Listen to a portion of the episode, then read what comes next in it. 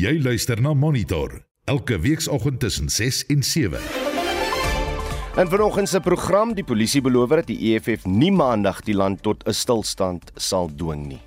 want to assure everyone in the country that the 20th of March will be a normal business day, contrary to the pronouncement by those advocating for any disruption. All ports of entry, land, sea, and air will be operational. Ons vra kenner of die polisie wel die staking onder beheer kan hou. Die bankreis Credit Suisse moet miljarde eh, dollar leen om sy finansies te ondersteun. Switzerland's second biggest, Credit Suisse, was down more than 24% at the close of European trading. It's led Switzerland's central bank and its financial regulator to feel compelled to reassure investors that they will support the bank. Maar wat beteken dit vir jou? Die antwoord kry ons in die volgende halfuur. Ek is Oudo Karelse, die program onder redaksie van Justin Kennerly en Daitron Godfrey is ons produksieregisseur. Welkom by Monitor. Bly ingeskakel.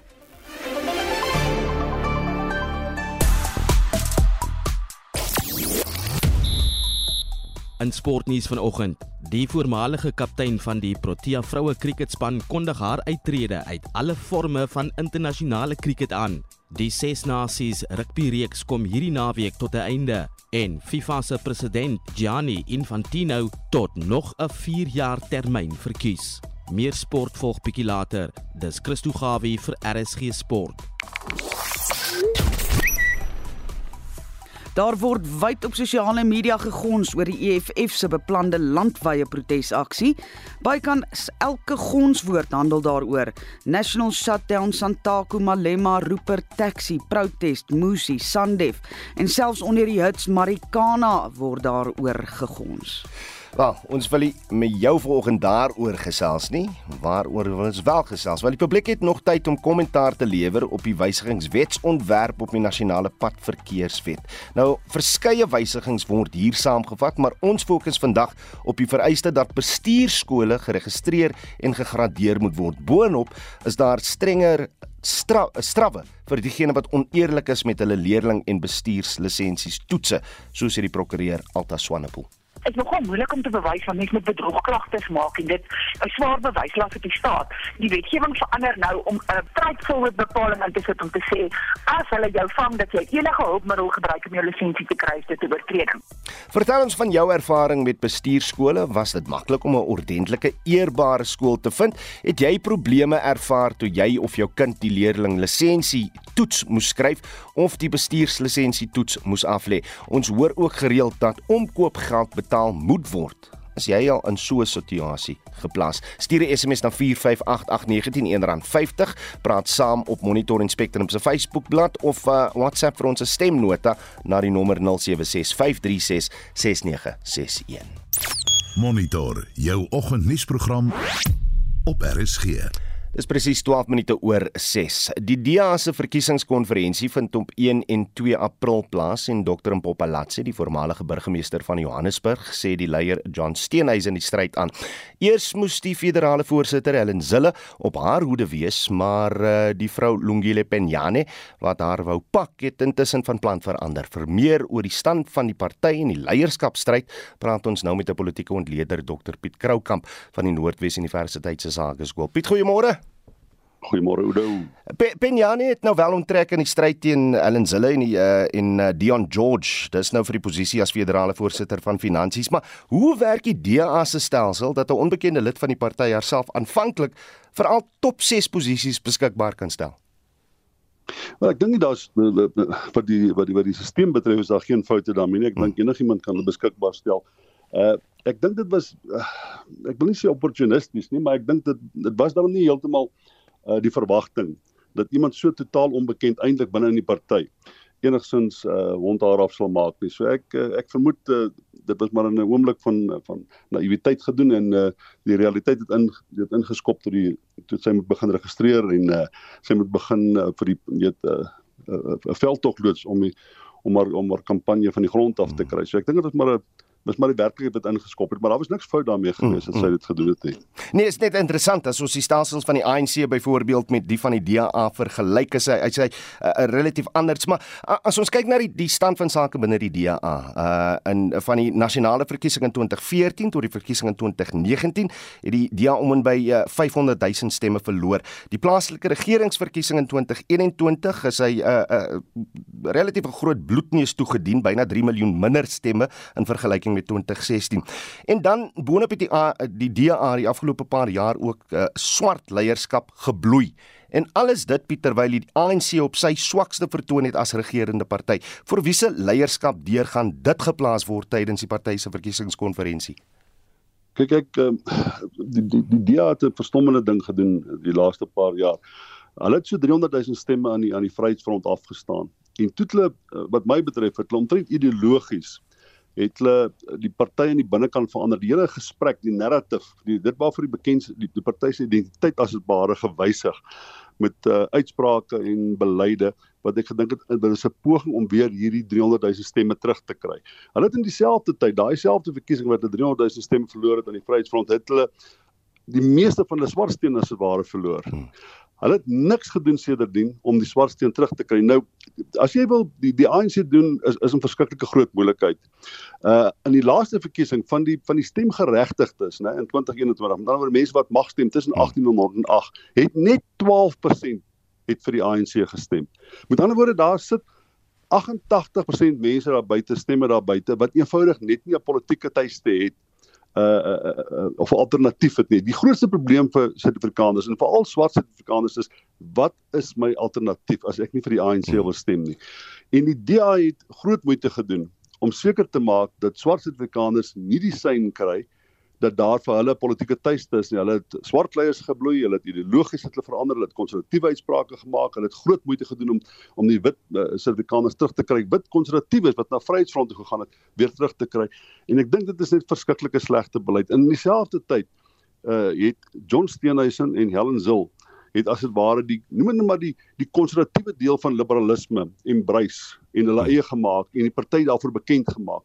En dit is nou maar een ding, swart Suid-Afrikaners, jy uh, as jy as 'n kollektiwiteit moet oor, oor hulle moet praat. Hulle is nie liberaal nie. Hulle is veral nie hierdie Trump-agtige tipe liberaal wat wat wat ek dink wat Helen Zil en John Steenhuisen uh hulle mee opbring. Mm. En ek dink dit is die groot probleem. Hulle is nie alternatiewe swart Suid-Afrikaners nie. Hulle hulle gaan in hierdie verkiesing dat hulle waarskynlik weer groot moeilikheid. Dan, dan wil ek jou vra, want die DA sê hy is trots op sy diversiteit uh as hy kyk na die kandidaate wat hulself beskikbaar gestel het vir die verskeie posisies, maar hoe anders sou 'n DA onder die leierskap van 'n Popalatse pleks van 'n John Steenhuisen werklik wees? Wel ek dink die eerste plek is jy met die die party se ideologie verander van van liberaal na sosiaal-demokraties en ek dink regtig 'n populasie sou dit verstaan dat jy jy kan nie 'n liberale ideologie uh, probeer smous in 'n verkiesing in swart Suid-Afrikaners nie. Die ander ding is dit is een ding om te sê maar die leiers wat staan is is is is is divers. Maar die leiers wat gaan inkom, ons weet hoe hulle lyk. Ons weet dit gaan Jan Zil wees. Ons weet dit gaan John Steenhuisen wees. Ons weet dit gaan die party se ideologie weer 'n keer domineer. Dis die en die ander ding is as jy kyk na hulle steenbasis, hulle is 'n diverse party. Daar is swart mense, daar is bruin mense, daar is wit mense, daar is indiër mense.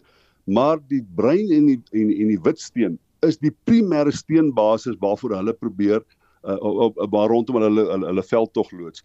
Met ander woorde, dit is waar hulle hulle steen wil trek. Hulle doen eintlik niks daan behalwe om ons te vertel hoe swak is die ANC. Dit weet ons almal reeds. Hulle doen niks daan om hulle ideologie te verander, hulle identiteit te verander, die gesprek binne die DA te verander om dit vir swart mense meer aanvaarbaar te maak nie. So is sosiale media plasings reg. Die DA het rigting verloor of is dit maar Pietie Bots wat nou weer te werk gaan vir die verkiesing nee, volgende jaar? Nee, die DA is 'n verskriklike moeilikheid.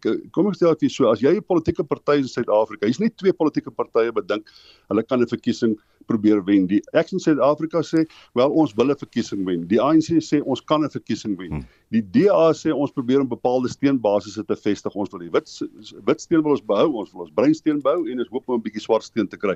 En ons hoop om die 22-25% van die steen te kry. Jy kan nie 'n verkiesing veg op daai basis as die meerderheid van Afrikaners wat gaan stem weet jy probeer net 'n bepaalde steenbasis bou eerder as om 'n verkiesing te wen. Wat is die, hoekom sou dit vir die moeite werd wees om die oggend op te staan te gaan stem? Onthou Suid-Afrikaners is verskriklik ontmoedig.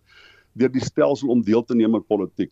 So jy moet werklik 'n alternatief hulle skep in terme van die manier hoe jy funksioneer, jou beleid wat jy op die tafel sit en jy moet vir hulle laat voel dat jy hierdie vermoë om uiteindelik 'n verkiesing te wen.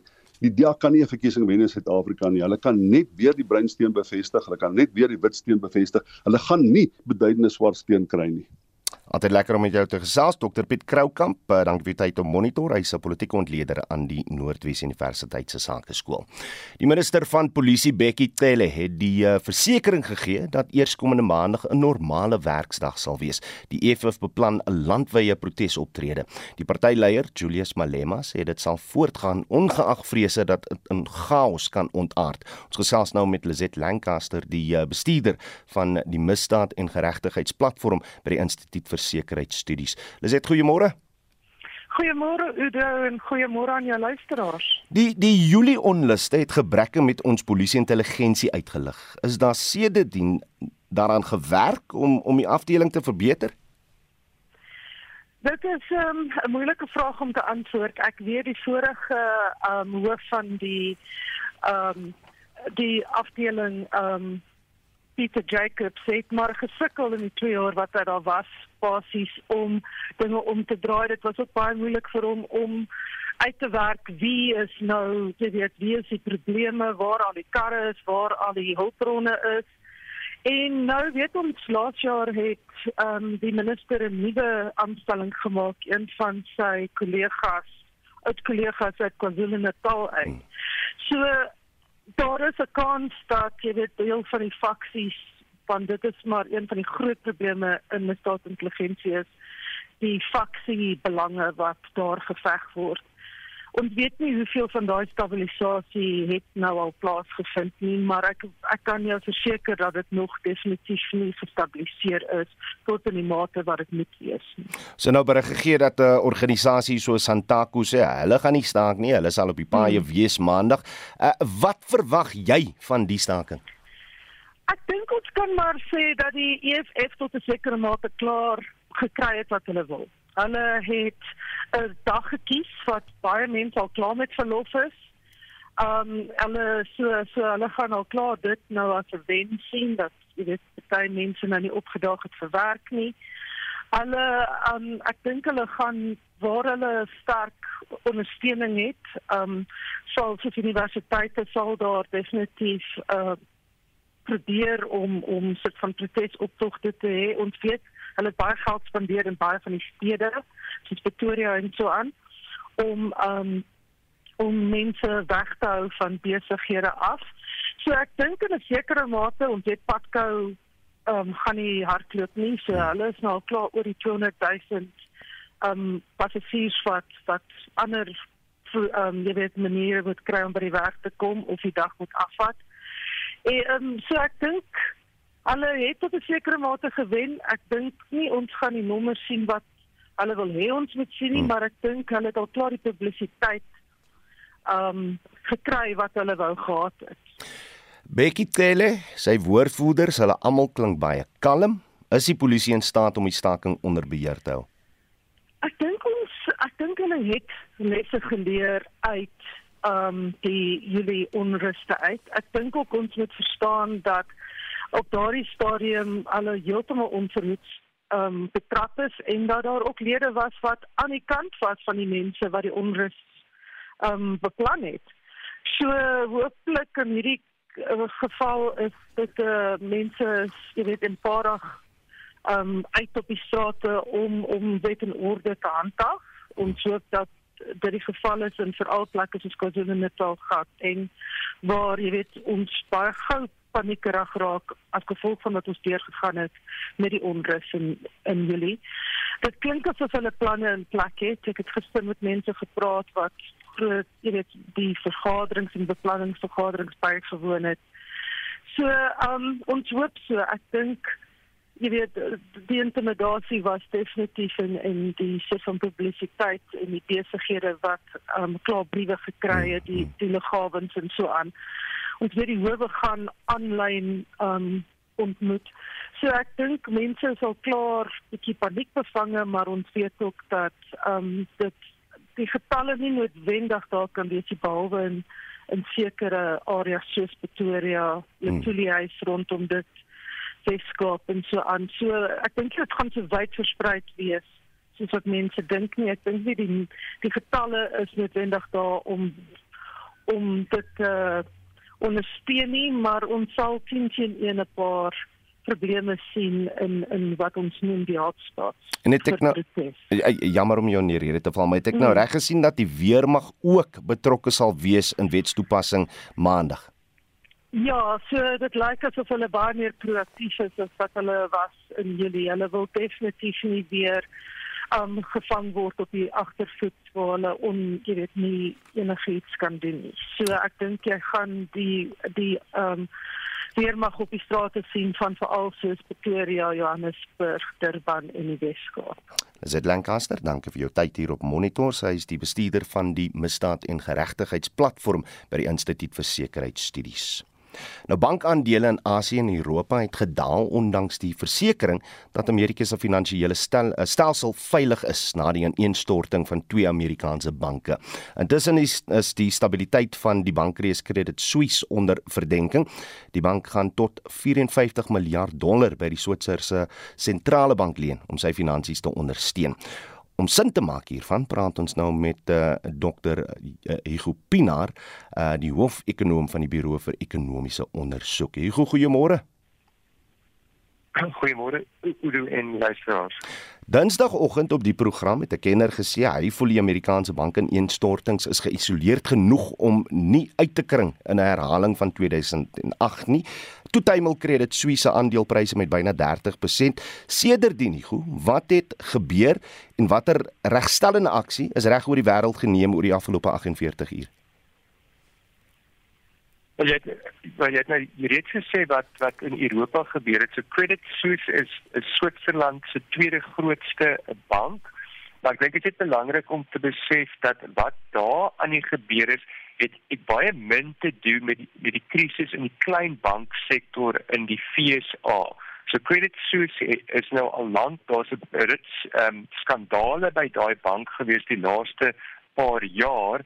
Maar omdat daar nou wêreldwyd ehm um, onsekerheid oor die banksektor is, word hierdie Europese bank wat nou al reeds onder verdenking is, ehm um, nou erg geraak. Nou soos jy gesê het, hulle aandelepryse het vroeër in die week baie skerp uh, gedaal, maar nadat daar hierdie likwiditeitsfasiliteit van die Switserse sentrale bank van 45 miljard dollar gister ehm um, bekend gemaak is, het daai aandeleprys van Credit Suisse gister um, met 19% gestyg. So ten minste in daai geval uh, het dinge eintlik bietjie gestabiliseer gister.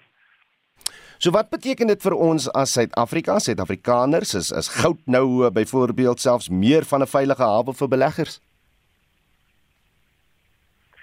Ja, ek ek ek dink oor die oor die kort termyn so maar miskien moet mense sê, jy weet jy, jy het nou 'n ehm um, situasie waar risiko aptyd van internasionale beleggers ehm um, aan die kwyn is.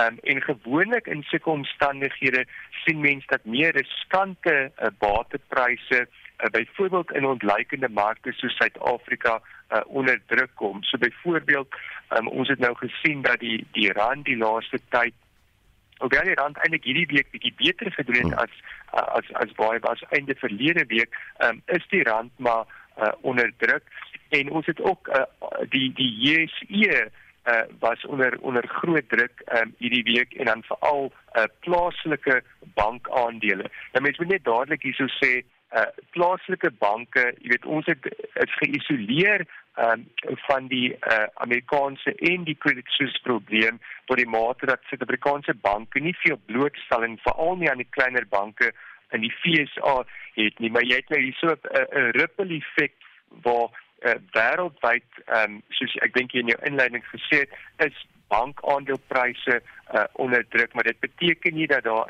'n probleem in die Suid-Afrikaanse banksektor is. Ek hoor wat 'n groot bron van kommer is na na die krisis van 2008 is ons as die gewone lede van die publiek versekering gegee die regerings reg oor die wêreld strenge regulasies sal ingestel word om invloedryke uh, banke in te perk ten opsigte van die risiko's wat hulle kan neem. Is dit wat met SVB in Amerika gebeur het? Nie 'n aanduiding dat die regulasies nie werk nie. Ja, dit is dit is 'n goeie vraag. Ehm um, so 'n klomp van daai regulasies is is veral op toepassing van die groot ons praat van die groot sistemiese uh, uh, banke, maar die kleiner banke ehm um, het van hierdie regulasies uh, vrygespring. Maar wat nou gebeur het in die FSA ehm um, vir al die wel eintlik al die banke het dit gedoen, maar maar nou veral van hierdie kleiner banke Hulle het aansienlik hoeveel hulle staatseffekte in 2020 en 2021 gekoop, maar op daai stadium was FSA rentekoerse natuurlik baie laag by by by nul basis. So daar was nie 'n groot aanvraag na lenings op daardie stadium nie en toe die banke uh, besluit om in hierdie staatseffekte te belê wat as 'n veilige hawe uh, beskou is om hulle opbrengse 'n uh, 'n hupstoot te gee. Maar niemand het op daardie stadium voorsien dat beide die beleidskoers en hierdie staatseffekkoerse in 2022 so vinnig sou styg nie. Nou mense moet nou verstaan as hierdie koerse styg, dan daal die prys van staatseffekte. Hmm. So nou sit hierdie banke met 'n verlies makende bate op hulle balansstaat. En hierdie realiteit van 'n verslegtende balansstaat het nou gelei tot 'n groot onttrekking van uh uh van deposante. Nou om nou terug te kom na jou vraag, hmm. so hierdie kleiner banke het hierdie tipe van goed gedoen um omdat die regula om omdat die regulasies nie wel dit is nie die enigste rede nie maar mens kan seker 'n argument maak dat omdat die regulasies nie so streng was op hulle nie um het hulle hierdie tipe van kom ons sê meer riskante uh um sakepraktyke uh, toegepas. Natuurlik dit het nie riskant gelyk 2 jaar ja, terug nie, ja. maar nou met rentekoerse soveel hoër, jy weet nou het dit so uitgedraai.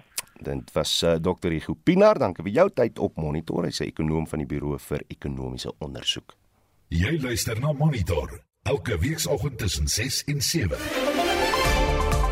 Dis presies 6:30 in die nuus. Die KZN Dolphins cricketspan vertel ons hoe dit voel om kampioene te wees en ons het vanoggend twee ateljeegaste wat hulle aardbewing ervaring in Sirië en Turkye met ons gaan deel. Bly aangeskakel.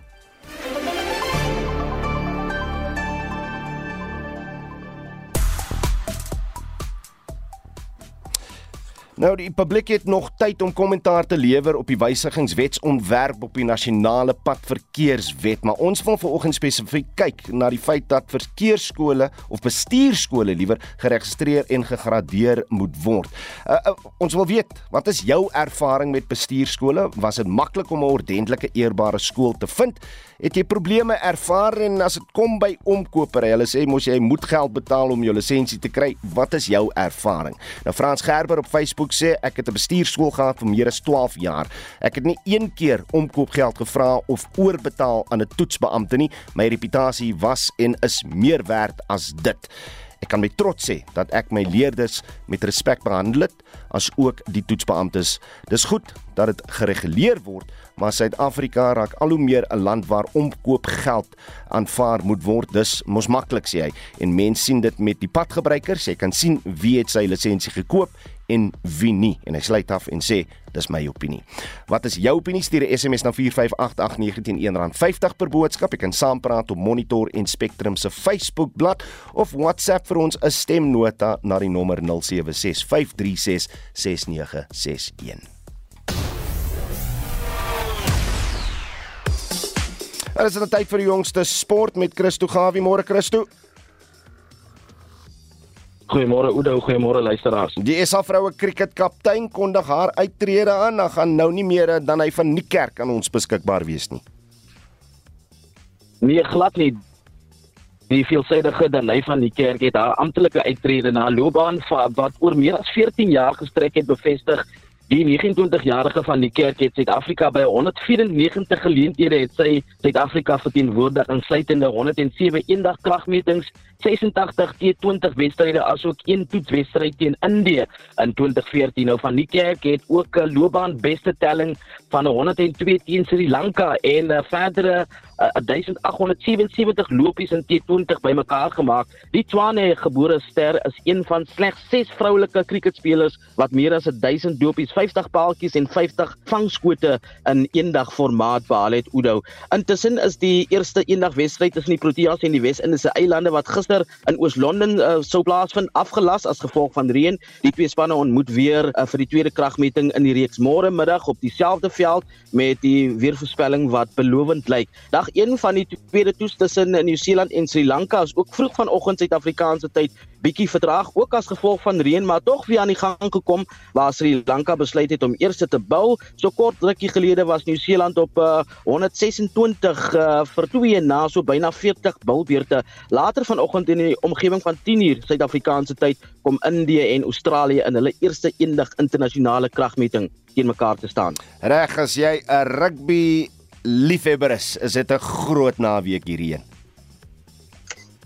Ja, dit is die ses nasies rugby. Hulle kom uh, dit kom die naweek tot 'n einde met Ierland wat môre aand om 7 met Engeland moet afreken om die titel in te palm. Vir Frankryk om te wen moet hulle Wallis vroeër Saterdagmiddag geklop en hoop dat die Ire sal verloor. Skotland en Italië kom om 0:30 teen mekaar te staan. Uh twee van die sterk spanne in die reeks Ierland en Skotland. Uh, uh, Skotland, die is later vanjaar deel van die uh, Springbokke se groep by die Wêreldbeker toernooi in uh, Frankryk. Daar's ook die Curriebeeker se tweede ronde wat uh, uh vanaand ook plaasvind. Die uh Bulle se gewone 4K kaptein Roan Orkee, hy sal Bulle vanaand aanvoer. Hy sal verskeie bekendes langs hom hê vir die kragmeting. Uh hierdie kragmeting begin om uh, 7 uur vanaand uh, terwyl die Pumas en die Leeu's reeds om 5 uur vanmiddag slaags raak terwyl die Cheetahs en Griffins hulle sien mekaar Sondagmiddag om 2 terwyl Griquas en die Haie mekaar later die middag Sondag om 4 uur ook die stryd aan sê Oudo. Reg, kom ons praat bietjie sokker want ek sien die FIFA president Gianni Infantino word herverkies tot die pos en dan het Man United ook 'n goeie aand gehad gisterand. Ja, absoluut. Uh, uh meneer Infantino, hy is tot nog 'n 4 jaar termyn in hierdie belangrike rol verkies by die 73ste FIFA konferensie in Kigali, Rwanda. Hy is die eerste keer in 2016 tydens 'n buitengewone konferensie as die president gekies toe Sepp Blatter na 17 jaar bedank het. Man United uh, deur na die kwartfinale van die Europese Liga, Marcus Rashford se afwykende aanval van 'n afstand het Manchester United gister 'n 1-0 oorwinning teen Real Betis besorg en met 'n totale triomf van 5-1 na die kwartfinale van die Europese Liga deurgedring. Dit was Rashford se sesde doel van die toernooi en sy 27ste in alle kompetisies hierdie seisoen in 43 verskynings. Christo Gawie daar van RSG Sport. Reg ons uh, bly by sport want uh, die KZN Dolphins is Woensdag al bekroon as vierdag reeks kampioene van Suid-Afrika. Die span onder leiding van afrigter Imran Khan het net net bo aan die punte leer geëindig om die titel weg te neem van die verdedigende kampioene die Titans wat derde geëindig het hierdie seisoen. Ons praat met die boulafrigter van die Dolphins Quentin Friend oor hul sege. Quentin, goeiemôre. Goeiemôre. Hoe gaan dit met julle? Nee, dit gaan goed, maar hoe voel dit om 'n kampioen te wees?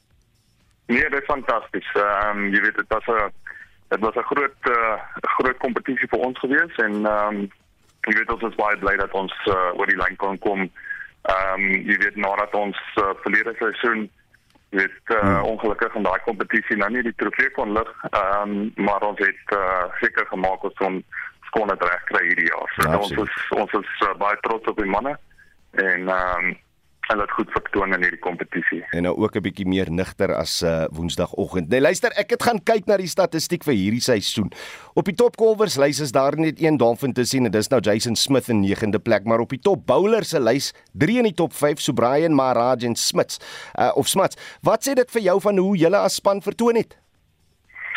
Ja, ek ek, ek dink jy weet of dit ehm um, as ons vat die uh, as ons tydwedstryde speel, jy weet ehm um, of Bollywood Bet Kings need. Ehm um, jy weet dan dan is ons uh cold blyer meer ehm um, so ek sê reg vir vir vir spin bowlers. Ehm mm, mm. um, en jy weet ons het ehm um, en dit wys spesifiek jy weet dat daai drie ehm um, in die top 5 is, jy weet van die van die uh die die topmanne van Palkies wat in in die vierdag kompetisie.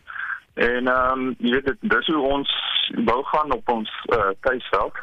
En ehm um, so ja, daai daai drie manne, jy weet dit hmm. dit uh, die die sal ek sê die die ervaring en die, en die wat hulle het, jy weet in in in terme van ehm um, wat hulle bring na die span toe, ehm um, senior spelers En ehm um, jy weet hulle was fantasties geweest die hele kompetisie en vir ons um, regtig aan 'n posisie gesit waar waar ons ehm um, jy weet op baie baie streek kon kom van mm. van vier ehm um, binne in 'n ry en dis dis seker die weet die die posisie geweest waar ons die ehm um, jy weet onsself in 'n posisie gesit het om hierdie kompetisie te wen.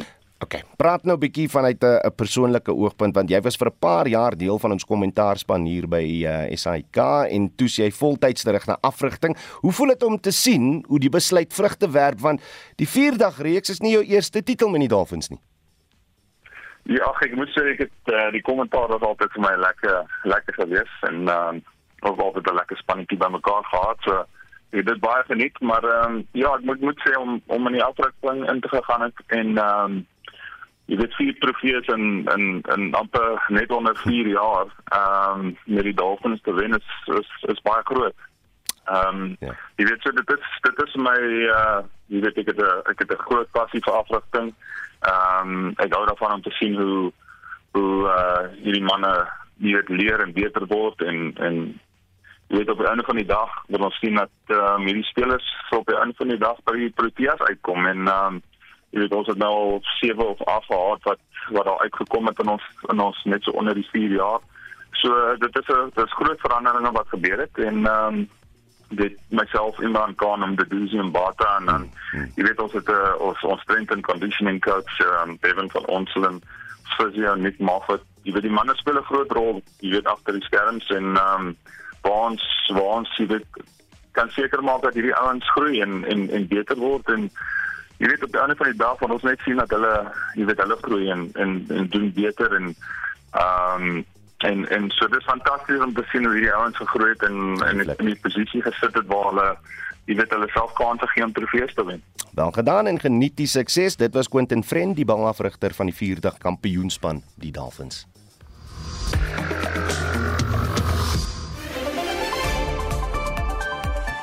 Monitor jou oggendnuusprogram op RSG.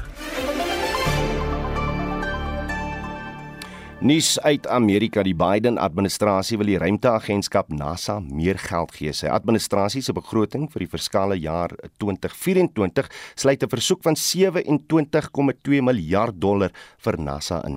Dit is 7,1% meer as verlede jaar. Dr. Roan Stein van die Sentrum vir Ruimtenavorsing aan die Noordwes Universiteit praat nou met ons. Roan, goeiemôre. Goeiemôre Udo. Een van die projekte waarop NASA homself toespits is die Artemis maan projek. Hoekom is dit so belangrik vir Amerika? Inderdaad Udo, uh ja, so as mens kyk na die begroting wat vir 2024 gevra is, uh vir vir, vir, die 2024 uh, finansiële jaar gevra is, ehm um, dan sien ons dat die Artemis projek vat omtrent 8 miljard dollar daar saam. En uh dit is baie belangrik vir die vir, vir die Amerikaanse ruimteagentskap, uh hierdie Artemis projek wat natuurlik 'n uh, opvolger is van die Apollo projekte hmm. wat in um, in 19 jy weet laat 50 60s ontwikkel is. Uh NASA wil baie graag Mars toe gaan en een van die ehm um, snelweë wat nou maar gebruik kan word is om 'n um, tipe van 'n ruimtestasie uh om die maan te te te maak um en dan uh die maan te gebruik as 'n tipe van 'n platform op pad Mars toe. So hulle is besig om uh onsaglike hoeveelheid geld te belê um in 'n nuwe maan uh projek. Ek sien hulle wil 'n rapsie minder as 'n miljard dollar spandeer om rotse en grondmonsters terug te bring van Mars af. Hoe gaan hulle dit doen en hoekom is dit belangrik? Ja, ja, so dit is uh, ek dink jy heeltemal reg, is net minder as ons 928 miljoen dollar of iets van die aard.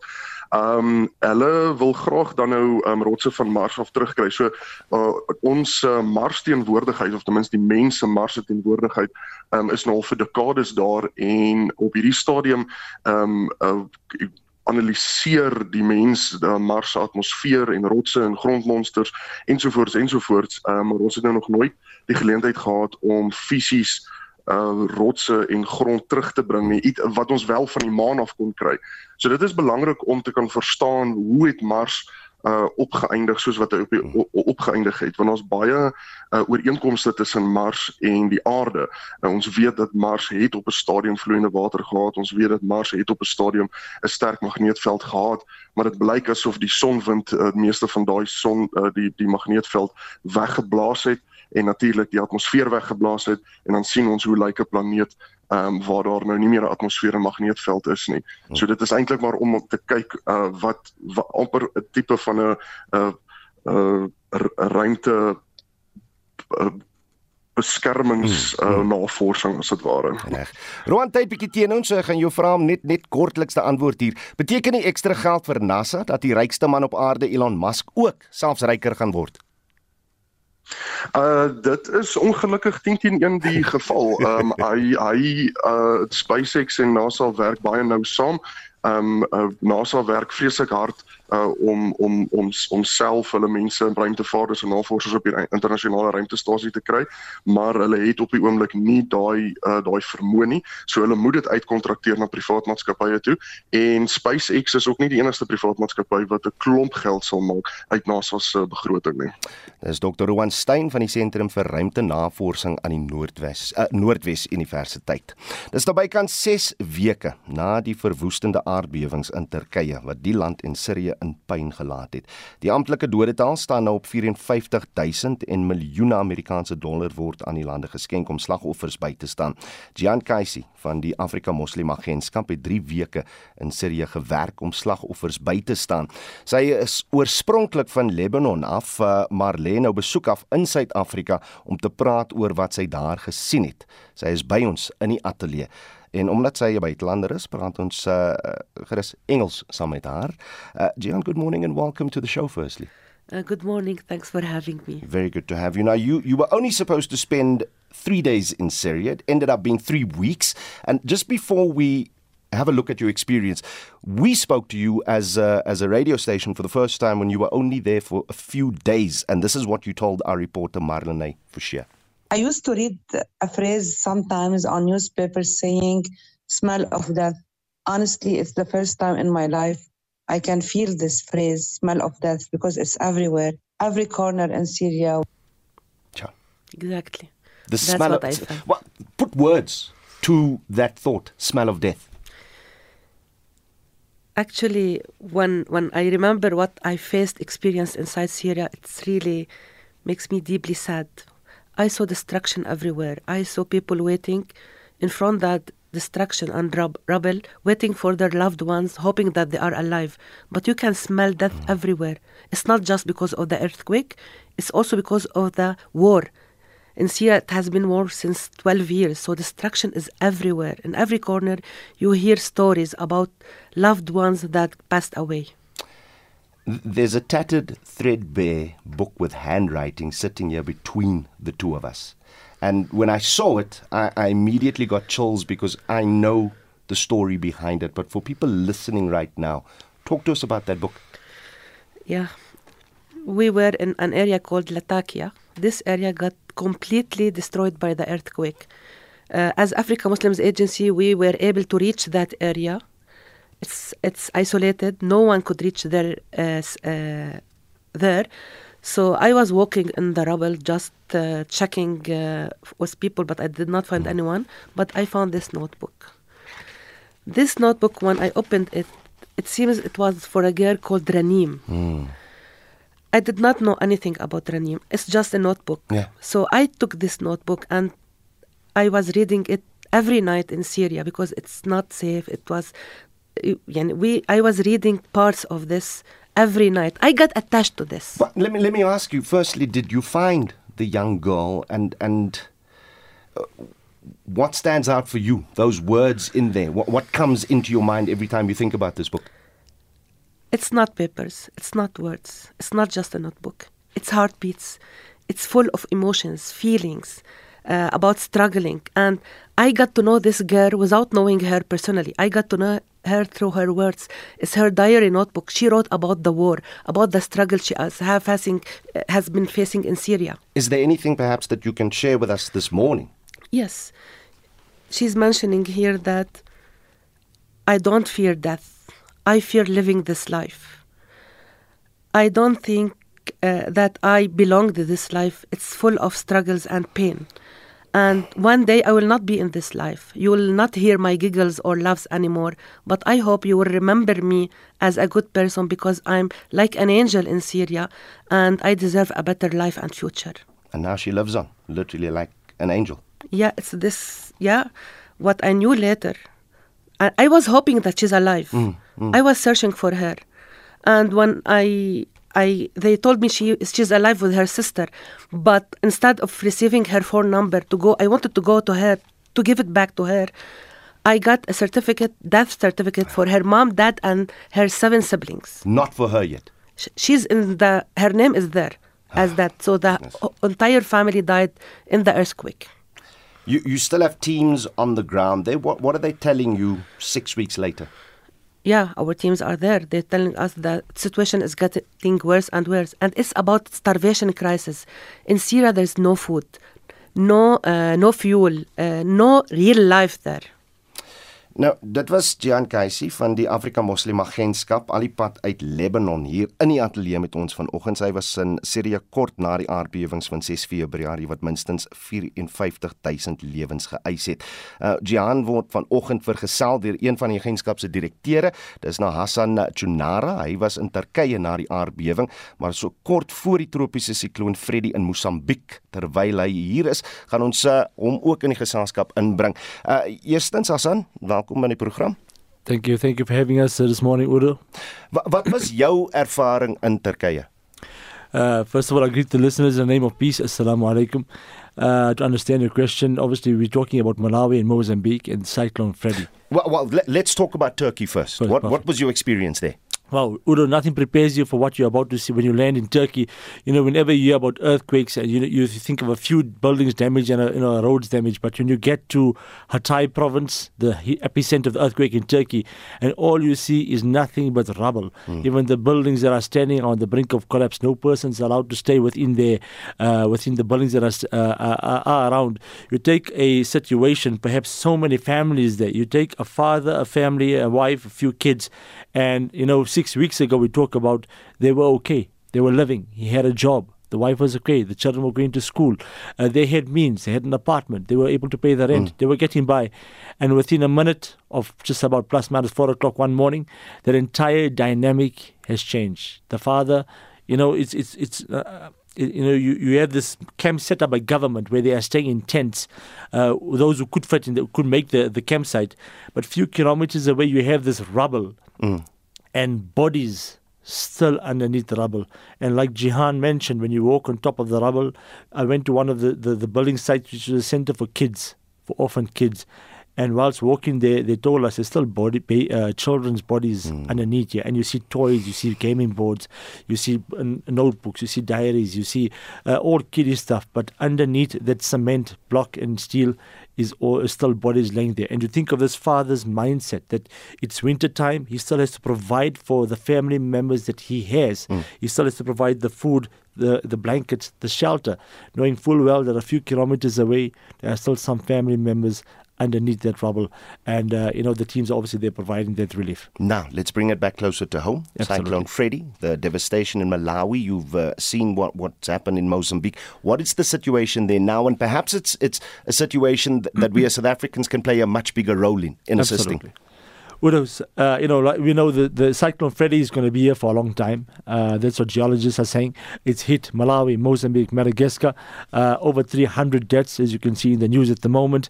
The teams are on the ground in the various uh, parts. Just to talk about Mozambique, Zambezi province, I was there three weeks ago. This is an area which is quite remote. We work deep in the bush, about 12 hours outside the town of Kilimani.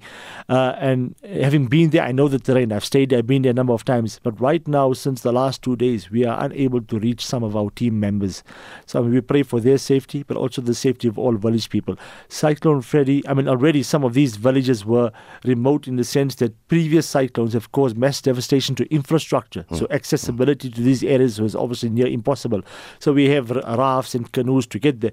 With the current cyclone, it has created islands in different parts of the northern part of Mozambique as well as in Malawi. But the teams are obviously still active and going out there to uh, offer relief. You know, in Africa, uh, uh, to give an idea to the listeners, people wake up in the morning, uh, the men who go harvest their crops, they work in the field, they live off the land. They live from what they grow. So the, the, the, the, the, the sweet potato, the bananas, that's what they, how what they eat. And they eat from their livestock and the milk uh, from the animals. With the cyclone, that is com- they've completely lost all their crops and all their livestock, and as a result, completely, completely dependent on aid at the moment. Well, just, just the final question to you, Gian. When we see tragedy like this, it's easy to lament the suffering of human beings around the world, but does it give you hope that we are able to assist? Honestly, uh, sometimes it gives us hope, sometimes no. Mm. Because uh, uh, what I have seen inside Syria is destruction everywhere. People are appealing for their loved ones, for food, for bread. We were able to help everyone, but but the help is still minimum compared to the need inside. So as for Ranim, maybe Ranim left this notebook Mm. to, to to to tell us, please help children in Syria. Ranim was 14 years old. She did not live her childhood and she did not live her teenager life. But here she's saying, they ask me, why you keep smiling with all the misery around you? Hmm. I tell them I'm smiling because there's hope of a better tomorrow in Syria. And this is the answer to your question. May, may, may the impact of that book live on forever. Thank you very much for coming in this morning. Let me just say uh, to uh, Hassan Chanura uh, from uh, the, the, in terms of the help that you guys have uh, lent in uh, in Turkey and Mozambique and Malawi. Thank you very much for your time. And then our other guest this morning, of course, is Jehan Kaisi from the uh, African Muslim Agency. En ek wil net sê, dis 'n belangrike gesprek om om om hier op lig te doen ongeag die taal waarin dit gedoen word. Maar dankie aan die gaste hier vanoggend. Rapport het die afgelope Sondag berig dat Suid-Afrika miljarde rande kwyt kan wees indien die land nie binnekort begin om nuwe energievoertuie te vervaardig nie. Derhalwe gesels Dr Willem Botha vanoggend oor kwyt en die klits kwyt wees. Dr Botha is die voormalige uitvoerende direkteur van die Woordeboek van die Afrikaanse taal. Willem, goeiemôre. Goeiemôre Oudo. Wat is nuwe energievoertuie en hoekom kan ons binnekort miljarde rande kwyt wees omdat ons nie nuwe energievoertuie bou nie? Nuwe energievoertuie Oudo is tans hoofsaaklik elektriese voertuie en hibriede voertuie uh, wat oor beide 'n binnebrandmasjien en 'n elektriese motor beskik. Meer as 60% van die voertuie wat ons vervaardig word uitgevoer. 3 uit elke 4 na Europa. Dit verteenwoordig meer as 100 miljard rand per jaar. Maar die hele Europese Unie en Brittanje het reeds besluit om binnekort nie meer nuwe voertuie met binnebrand engines te verkoop nie. Dit beteken dat ons die grootste deel van ons uitvoer maar kwyt kan wees indien ons nie elektriese voertuie begin vervaardig nie. Om iets kwyt te wees beteken om sonder iets te wees wat jy tevore gehad het. Hy sê besittings kwyt of hy sê voorregte kwyt. Kwyt gaan terug na die Latynse quitus wat beteken vry van juridiese of finansiële verpligtinge.